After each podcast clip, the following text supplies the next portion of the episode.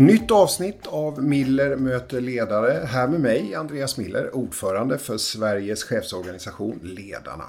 Idag så gästas jag av en person som bytte ambassadörsjobbet i centralamerikanska Guatemala mot landshövdingeposten i Värmland. Välkommen hit, Georg Andrén. Stort, stort tack Andreas. Jag blev nyfiken på dig, för du är ju en person som har jobbat med internationella frågor nästan hela ditt liv. Jag har följt dig lite på distans och så blev det plötsligt en nationell och lokalt perspektiv för dig. Och då har jag funderat sådär, hur drar du nytta av dina tidigare internationella erfarenheter som landshövding i Värmland och med hyfsat färska ögon på offentlig sektor, hur tycker du att den kan bli effektivare? Och så förstås hur ditt ledarskap har påverkats av coronapandemin. Ja, om det här skulle jag vilja prata om idag. Eh, hur känns det för dig? Eh, jag är jättetaggad för du ställer frågor som, som eh, får mig att reflektera över val, över förutsättningar och möjligheter. Så det här känns jättekul, jättekul, jättebra. Då, innan vi går vidare i samtalet, så ska de som lyssnar få veta lite mer om dig. Vi hör här. Georg Andrén växte upp i Västerås och utbildade sig till ekonom. Hans intresse för demokrati och internationella frågor har präglat hela yrkeslivet. Men även privatlivet när han bosatt sig med familjen i olika världsdelar.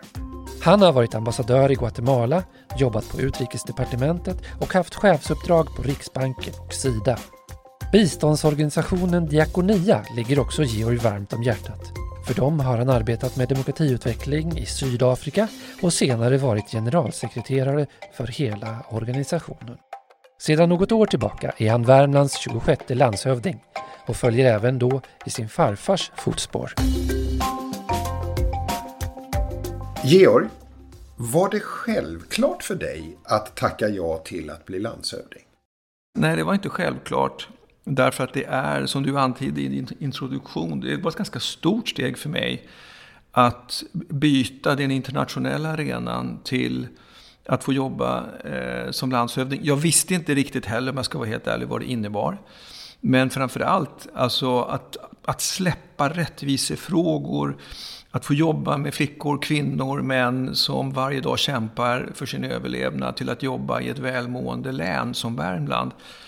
Men efter någon dags fundering så kom jag på att det där var ju faktiskt precis det som det var dags för mig att göra nu. Om man tittar i, i, jag säga, släktkalendern för dig så har du faktiskt en farfar eh, som, har, som är namn, du är namnet till honom, Georg Andrén. Han var landshövding i Uppsala. Känns det som du går i din farfars fotspår eller vad har du tänker om det där? Eh, jag, jag min farfar dog när jag var åtta år, så att jag har ofta tänkt på att jag har saknat samtalet med min farfar. Inte nu så mycket, jo nu också, men inte framförallt det, utan han var ju professor i statskunskap, han var väldigt engagerad i under kriget, eh, den stora baltutlämningen och han var ganska frispråkig i sin syn när det gäller sitt eget parti som då var högerpartiets förhållande till nazismen. Han var en man som hade mycket starka ideal och som drevs av ett humanistiskt grundperspektiv. Det samtalet har jag saknat och jag har haft det inom mig. Och här sitter jag som landshövding och oj vad jag saknar farfar. Vad kul det skulle vara att kunna prata med honom om det här.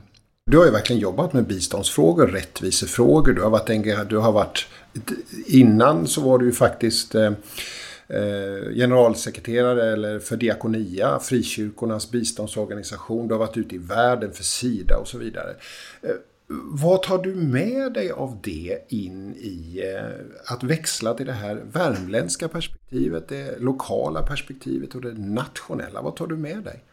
Förvånansvärt mycket faktiskt, Andreas. Ehm, för att gå tillbaks till det här när jag till slut bestämde mig efter dialog med min fru att vi skulle tacka ja till det här. För det är också ett gemensamt beslut att man ska rycka upp rötterna. Det som fick mig eh, att tippa över, det var två saker, möjligen tre. Men framförallt så var det det sätt på vilket ministern framställde valet av mig. Nämligen kombinationen av att ha jobbat som aktivist och ha en grundläggande kunskap om statlig styrning, hur det fungerar.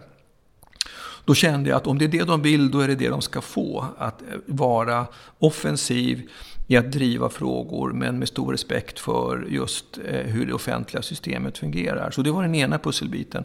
Den andra pusselbiten är att jag ehm, under de senaste åren som ambassadör i Centralamerika, som generalsekreterare för Diakonia har tänkt mycket och jobbat mycket kring rättvisefrågor, demokrati och demokratins uppbyggnad, rollfördelningen i demokratin mellan civilsamhälle och offentlig eh, maktutövning. Eh, och jag oroas faktiskt på riktigt av den eh, globala utvecklingen för demokratin men också här i Sverige och här i Värmland.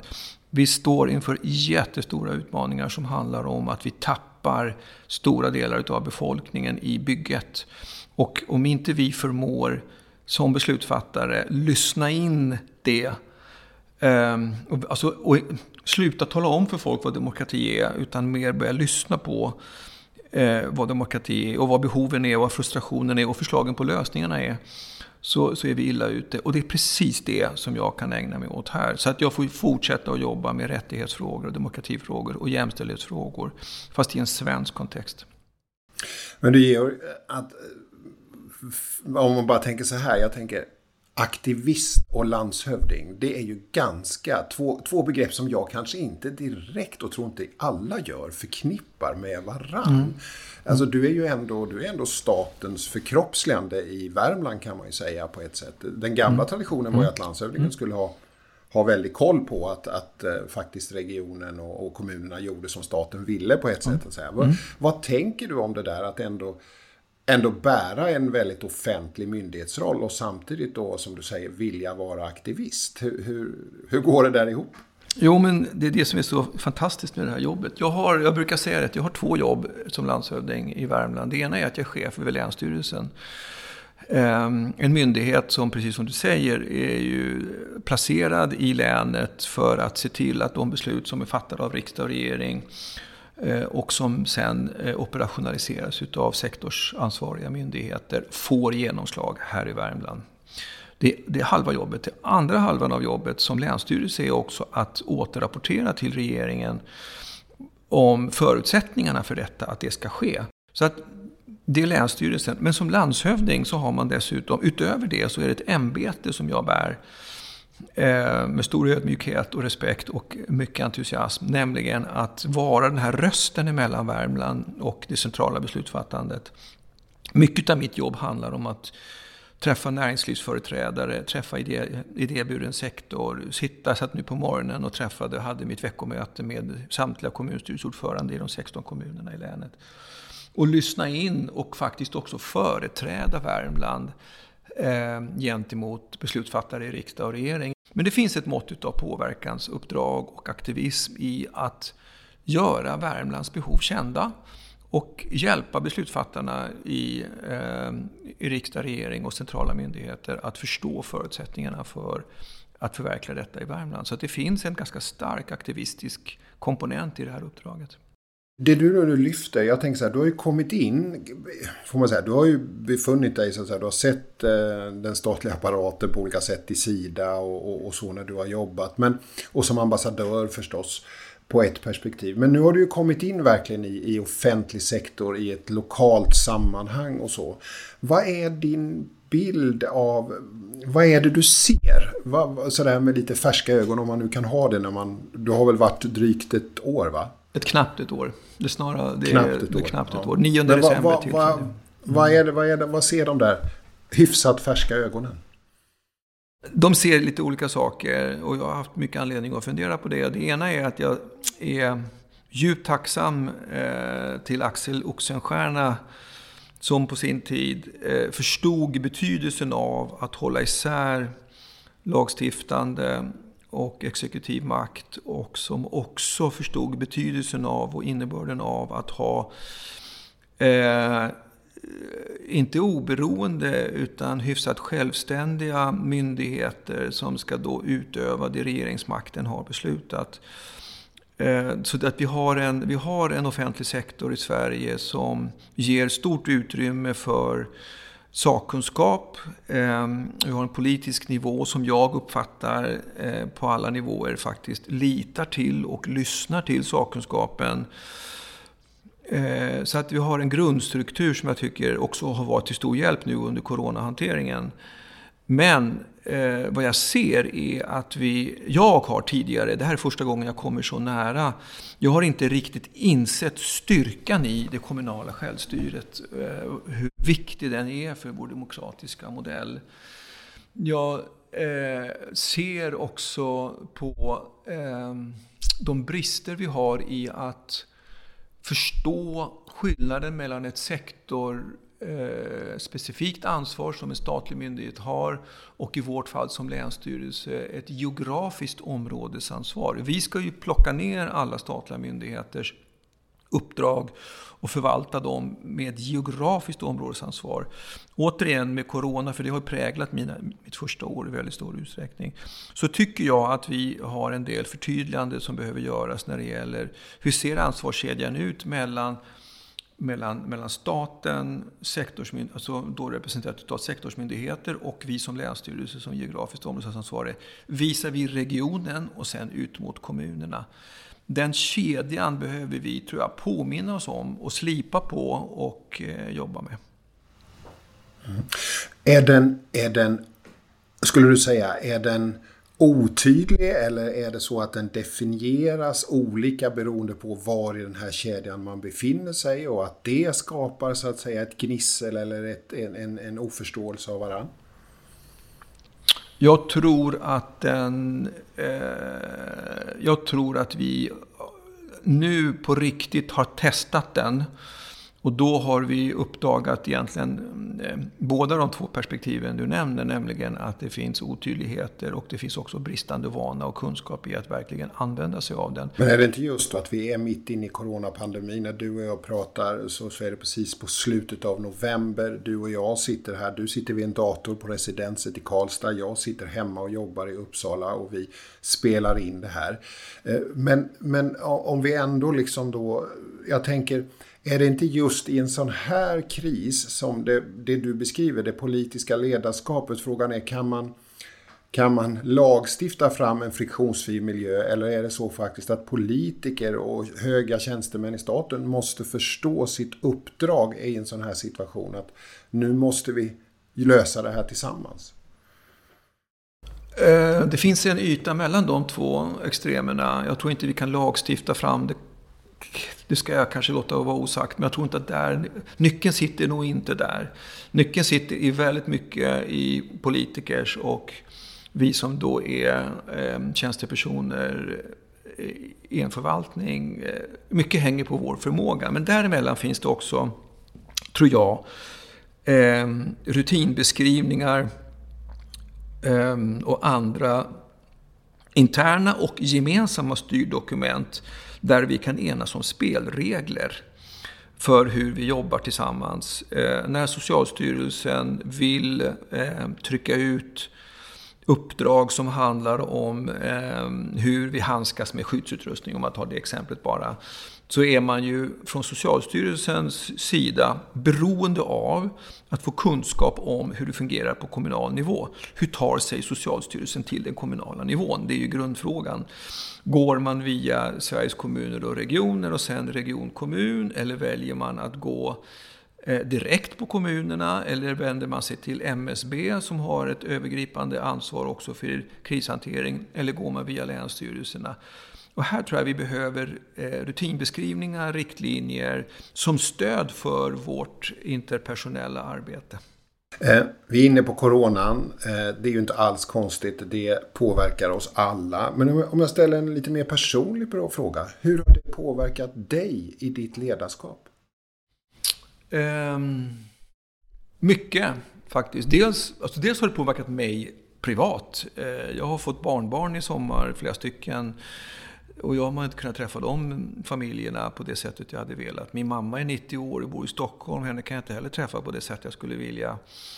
Ehm, vi har en rörelsefrihet som är kraftigt begränsad. på jobbet så har vi, liksom många andra, så var vi tidigt ute med och sa att vi skulle jobba på distans. Jag var faktiskt inne på kontoret nu på morgonen för att jag behövde göra några saker där. Och det ekar ju tomt i korridorerna. Ehm, så att eh, arbetet riskerar att, alltså vi, vi avverkar möten på skärmen just nu och det är effektivt och bra och så vidare. Men vi, det påverkar, jag har sista dagarna tänkt ganska mycket på vad som händer med oss när vi inte får den här stimulin som vi norm, normalt får av att träffas fysiskt i nya miljöer. Bara en sån enkel sak som att ta sig till ett möte ger oss stimuli. Vi tappar det just nu och det där, det där tycker jag vi ska vara uppmärksamma på. Vad tänker, du, vad, tänker du, vad tänker du händer då? För det där är jag nyfiken på. För jag har också reflekterat över det och funderat över vad är det som händer? Vad, vad, vad, vad, är det du, vad tänker du där? Jag tror att vi riskerar att bli att backa in i operativa förhållningssätt och tappar, riskerar att tappa dynamiken i den utvecklande fasen när vi spontant upptäcker nya idéer och lyssnar till varandra. Det här, den här bisatsen som innehöll kanske huvudbudskapet, men vi missar den. Så att jag tror att vi blir fattigare i vår professionella yrkesutövning. Vi är inne på ledarskap och jag tänkte, du har, du har sagt en del saker och ibland är det så här, det kan ju vara lite jobbigt att man säger saker och sen kommer, plockar andra upp det. Men du har ju faktiskt sagt att du tror på Gud, människan och flickan. Vad menar du med det? Kan du berätta lite? Det där citatet sägs det att jag har sagt och det känner jag mig väldigt glad och stolt över. Jag minns inte exakt när jag sa det, men det har återkommit några gånger. Flickan är viktig. Ehm, eh, och den, den bästa bilden för detta är en staty som stod, eh, den står inte kvar där, men den stod på Times Square på Manhattan i New York. Den heter Fearless Girl. Och jag vet inte om, om du Andreas ser framför dig eh, och ni andra, det finns eh, på Wall, alltså Framför börsen så står det en stor frustande tjur som på något sätt ska markera makt och handlingskraft och liksom aggression. Och då var det en konstnär som mitt emot eh, den satte upp en bronsfigur av en liten flicka, kanske i 8, 9, 10 års åldern, som blottar bröstet i starkt självförtroende och som utmanar eh, tjuren och det den står för i att säga. Och för mig betyder den bilden och den statyn om vi lyckas skapa förutsättningar för tjejer att eh, eh drömma sina drömmar, leka sina lekar, göra sina val och få utveckling för, för sin potential. Då eh, har vi en ljus framtid eh, framför oss. Och jag säger det därför att idag är det inte på det sättet. Eh, flickor, och jag har sett det runt om i världen, från de mest fruktansvärda miljöer, inte minst i Guatemala där jag jobbade några år. Men jag ser det även i Sverige. Det finns stereotyper, det finns beteenden, det finns förväntningar som gör att den här potentialen inte utvecklas. Kommer vi dit, då har vi en ljus framtid framför oss. Vad skulle du säga är styrkan hos dig som ledare? Det var ett skifte eh, i frågorna. Eh, jag tror att det är nyfikenhet. Nyfikenhet är en viktig drivkraft för mig. Jag är, och det kan ställa till det därför att jag sprutar, ehm, jag lyssnar, jag har ett lyssnande, jag lyssnar bra tycker jag. Och jag har, ehm, och är väldigt nyfiken så jag ställer följdfrågor. Så alla möten drar alltid ut på tiden därför att jag ställer fler frågor än vad som var förväntat. Men... Är frågorna ett verktyg för dig att uh, förstå och leda? Absolut. Jag har ett självförtroende i min nyfikenhet och i min förmåga att lyssna. Och den nyfikenheten eh, har hjälpt mig enormt genom de åren som jag har haft förtroendet att ha ledaruppdrag. Därför att ställer man frågor och lyssnar, då får man med sig folk, man får en förbättrad förståelse och du får en, du får en, en, en, en gemenskap i att försöka hantera de, ut, de uppdrag vi står inför. Du har ett självförtroende i din nyfikenhet. Vad, vad, betyder din tro? Du sa att du är bekännande kristen. Vad, vad, vad betyder det för dig i, i, i det dagliga arbetet som landshövding? Alltså för mig, ett, en, viktig, en viktig del av min kristna tro kan sammanfattas i det här väldigt kristna begreppet nåden. Ehm, vi, vi, vi, ehm, det är inte en dömande Gud utan det är en medvandrande Gud som i nåd ser våra tillkortakommanden och våra brister och eh, hela tiden bär oss igenom och ger oss ständigt en andra chans om vi själva väljer att ta den andra chansen. Och jag tror att det är just det här, det här medvandrandet. Vi är inte ensamma, vi är en del av en, en stor mänsklighet. Det finns en, en Gud som, som är skapare och som är medvandrare och som är förlåtande och som eh, ständigt ger oss en andra chans att göra så gott vi kan. Eh, det har varit väldigt roligt att få prata med dig, Georg Andrén, landshövding i Värmland. Vi börjar närma oss slutet av den här podden och då brukar jag eh, liksom tänka så här att då får gästen ge något råd. Det är ganska många chefer som lyssnar på den här. Chefer i de mest skiftande verksamheter. Vi har ju, vi, vi, finns ja, i tung industri som finns i Värmland. Vi finns som sagt var i länsstyrelser runt om. Vi, ja, vi finns i dagligvaruhandel. Vi fin, våra medlemmar finns överallt. Men vad skulle du ge för ledarskapsråd till någon som funderar att ja, antingen på att jobba utomlands som ledare och chef som du har gjort eller jobba lokalt som du gör nu? Finns det något sånt där generellt råd du vill skicka med? Eh, var noga med kulturen. Eh, faktiskt. Och, och, och, lyssna in den och försök förstå den. Och då menar jag kultur i lite olika, eh, eh, lite olika aspekter. Jag minns nämligen ett par betor jag gick på när jag hamnade som chef på en svensk ambassad i ett land som Guatemala som är oerhört hierarkiskt. Och jag underskattade vad min titel eh, som ambassadör betydde för framförallt de lokalanställda. Jag gick på ett par betor där jag lite för snabbt försökte introducera en ledarskapsstil som var platt, lyssnande och som jobbar mycket med delegering. Eh, det skapade en väldig osäkerhet eh, och det tog ett tag att reparera det. Men det gäller också, alltså kultur handlar om att respektera och vara ödmjuk för, inte acceptera naturligtvis. Jag tror att vi ska vara uppmärksamma på kulturer som håller tillbaka eller som rent av är ehm, eh, destruktiva. Men vi ska respektera och lyssna in kulturen och så jobba tillsammans med kulturen när vi vill driva förändringsarbete.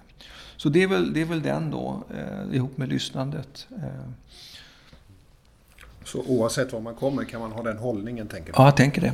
Jag tänker det. Och jag har ju då hoppat i...